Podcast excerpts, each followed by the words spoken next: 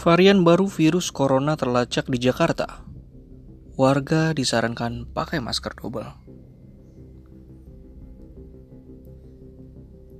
Assalamualaikum warahmatullahi wabarakatuh. Selamat pagi pendengar.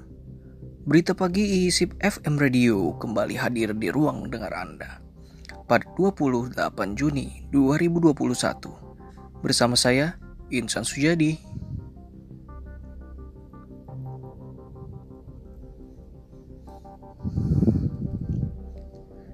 Ikatan Dokter Indonesia IDI Jakarta menyarankan warga mulai terbiasa mengenakan masker double agar tidak terpapar COVID-19.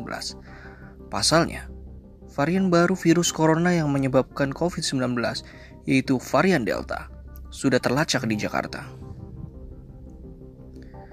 Virus varian Delta sangat infeksius sehingga para pakar menyimpulkan kalau masker satu lapis itu tembus sehingga kita harus menggunakan masker dua lapis.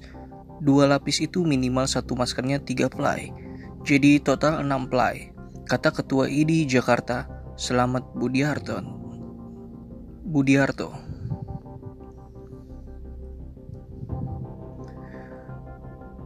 Penggunaan masker double itu lanjutnya selamat bisa digabung masker medis dan kain atau masker medis dan masker medis.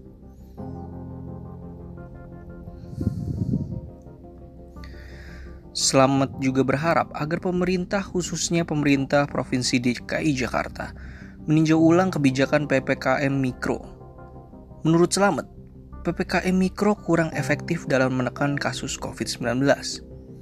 Kalau PPKM Mikro tidak berefek, Jabodetabek sudah overload rumah sakitnya. Paling tidak dilakukan PSBB yang diperketat, seperti awal pandemi, kata Selamat. Ia menyarankan orang dari luar negeri yang masuk ke Indonesia dibatasi.